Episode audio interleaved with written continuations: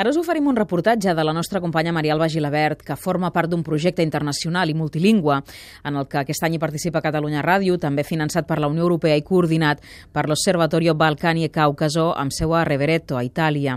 A Bòsnia i Herzegovina, les organitzacions dedicades a ajudar i a protegir les dones estan fent un gran esforç per augmentar la consciència social sobre els problemes heretats de la guerra. Aquella herència també han afegit la càrrega que suposa el problema de la violència de gènere que, com en tants d'altres països, també afecta l'estat balcànic. Una d'aquestes organitzacions, amb seu a Sarajevo, va néixer a Barcelona. El català vaig aprendre al carrer perquè van venir al Catalunya com a la refugiada. Jasmina Gelic va viure un any i mig a Catalunya com a refugiada a mitjans dels anys 90. És bosniana i musulmana i actualment dirigeix al seu país la Fundació de la Democràcia Local amb seu a Sarajevo. La seva feina és ajudar les dones.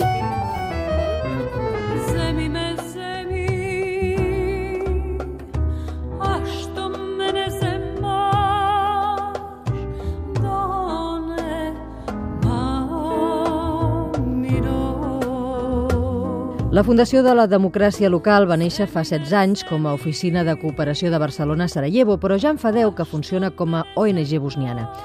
La seva feina és, com ens explicava Jasmina, donar suport a les víctimes de la violència de gènere, un fenomen en augment. El problema de la violència domèstica cada dia és pitjor. El problema és la situació política i econòmica al Bòsnia. Tenim un 50% percentatge del paro. Eh, les homes que tradicionalment, saps, portaven diners a la casa ja no tenen feina, ja no veuran una sortida de tota aquesta situació i això al final sortirà amb unes eh, reaccions que no són vàlides, però vale, són reaccions que se manifesten com la violència domèstica. Sarajevo té aproximadament mig milió d'habitants i, segons les últimes dades, cada dia es presenten 10 peticions d'ajuda de dones maltractades. Si són 10 dones cada dia, tu saps que el, aquests números, si parlem d'aquests, sempre parlem dels números negres, que són 7 vegades més grans, vol dir uns 70 dones per dia, vol dir per un mes 2.000 persones al nivell de cantó de Sarajevo.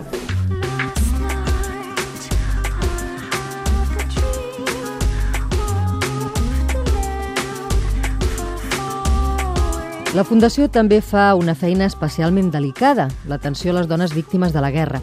Els seus equips, formats per metges, advocats i també dones afectades, recorren tot el territori per trobar les víctimes i ajudar-les. Ningú no volia parlar sobre elles si parlem de part de Federació de Bòsnia, fins al 2005 aquesta població no estava reconeguda de part de lleis a la Federació de Bòsnia i Herzegovina. I si tu no estàs reconeguda per les lleis, vol dir que tu no existeix.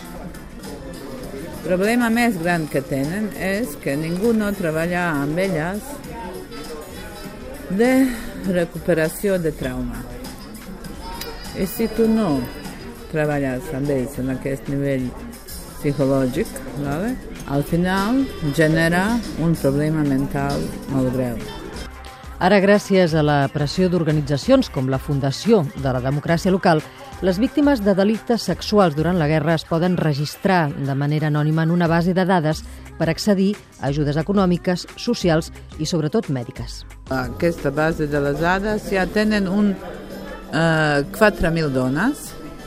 4.000 dones per una altra vegada parlem dels números negres, si multiplies amb el 10 són quasi 40.000 persones.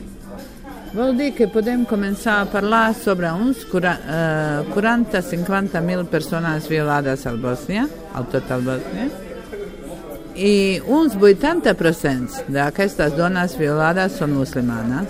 Una feina ingent que topa, a més, amb la llei del silenci que suporten les víctimes i que arriba als fills que hagin pogut tenir. Molts marits no tenen ni idea que la seva dona va ser violada. El problema més gran per elles és que porten com una culpa, saps? Algunes, com jo ho sé, estan al fora del país, saps? i ells allà segur que neixen aquests nens i que ningú no sap que són fruits d'aquest acte i així. I al Bòsnia aquests nens són també amagats. Fins i tot les persones que, com la Jasmina, fa anys que treballen amb aquesta problemàtica, procuren saber com menys millor. Són conscients que encara hauran de passar molts anys perquè tant aquestes dones com els seus fills siguin acceptats per la societat. Solidaris amb les dones i amb els homes. Projecte Explica Europa a Europa amb el suport de la Comissió Europea.